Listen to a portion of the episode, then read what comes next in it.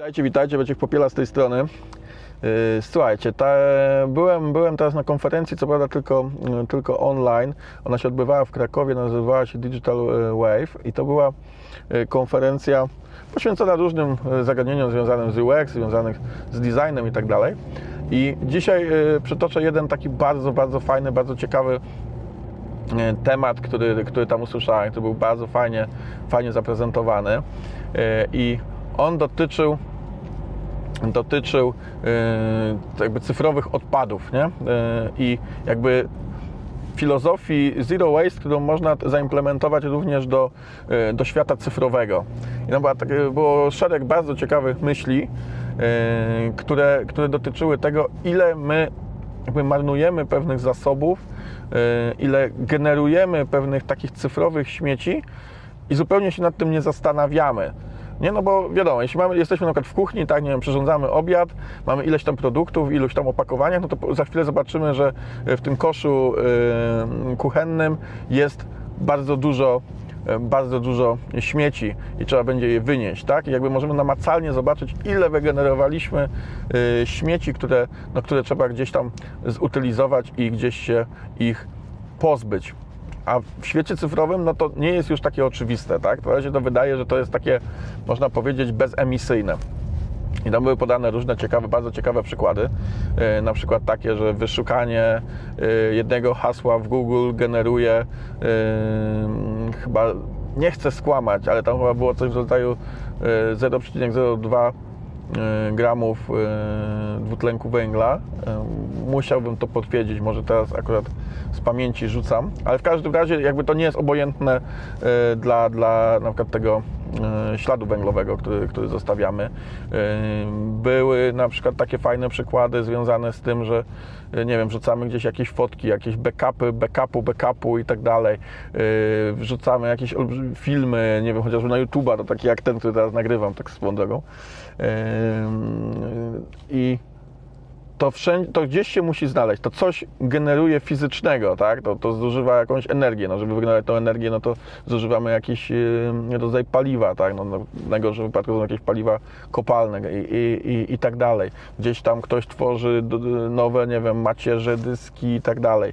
Jakby strasznie dużo w pewnym momencie, jak się za- zaczniemy nad tym zastanawiać, no to po prostu marnujemy tych zasobów, generujemy tych takich cyfrowych, cyfrowych śmieci, Niekiedy na rzeczy absolutnie, absolutnie zbędne, niepotrzebne. Właśnie backupy, backupu, backupu gdzieś tam wrzuconego, bo może się przyda, albo nie wiem, nie kasuje, bo coś tam, nie wiem, przerzucę w chmurę i, i w razie czego może coś tam z tego będzie. No jakieś tam różne takie rzeczy są. No, był nawet taki fajny podany przykład, yy, gdzie yy, no, ile filmów trafia każdego dnia na YouTube'a. No i to też nie jest tak, że po prostu gdzieś tam wrzucamy w jakąś yy, chmurę i, i tyle, tylko to gdzieś trafia fizycznie na jakieś dyski, tak? Tych dysków jest coraz więcej, tam zużywa to jakąś energię elektryczną i tak dalej. To są jakieś kolosalne liczby, no bo ta skala jest olbrzymia i ten wpływ jakby internetu, takiego w ogóle naszej cyfrowej bytności na, na środowisko jest olbrzymi. I to było takie niesamowicie takie otwierające oczy, oczy doświadczenie.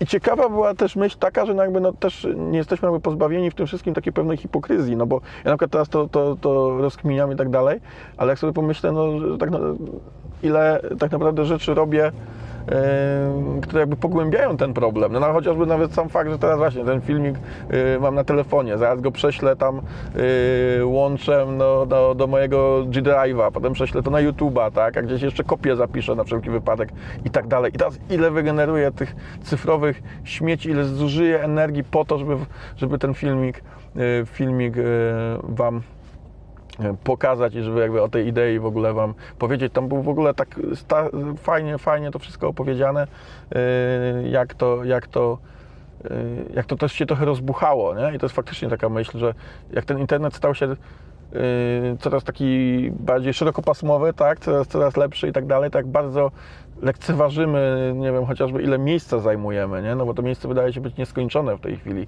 na tych wszystkich dyskach, macierzach, chmurach i, i, i tak dalej, no a przecież w rzeczywistości to idzie, idzie za tym jakiś koszt, tak? W jaki sposób wpływa to na, na, na, na świat. I jakby już dawno można powiedzieć, że no, bardzo mało przejmujemy się czymś takim właśnie jak e, optymalizacja miejsca, jakaś, nie wiem, kompresja zajmowanego miejsca, czy w ogóle warto zajmować czasem miejsce na niektóre rzeczy i tak dalej. Także absolutnie rewelacyjna, rewelacyjna prelekcja i teraz Będę na pewno zgłębiał ten temat. Wiem, że niedługo na blogu e, Moniki, mojej, mojej znajomej, kiedy współpracowaliśmy e, przy różnych fajnych projektach, e, ona też dużo właśnie ekologią się zajmuje w swoim życiu i też będzie pisała na ten temat jakiś artykuł, także taki większy, więc bardzo też czekam na ten materiał i na pewno się z Wami podzielę, jak tylko, tylko zostanie opublikowany. Także do usłyszenia, pomyślcie trochę o tym swoim swoich cyfrowych odpadach, jak to jest, bo, bo myślę, że to jest bardzo, bardzo ciekawa, wartościowa perspektywa. Do usłyszenia. Cześć.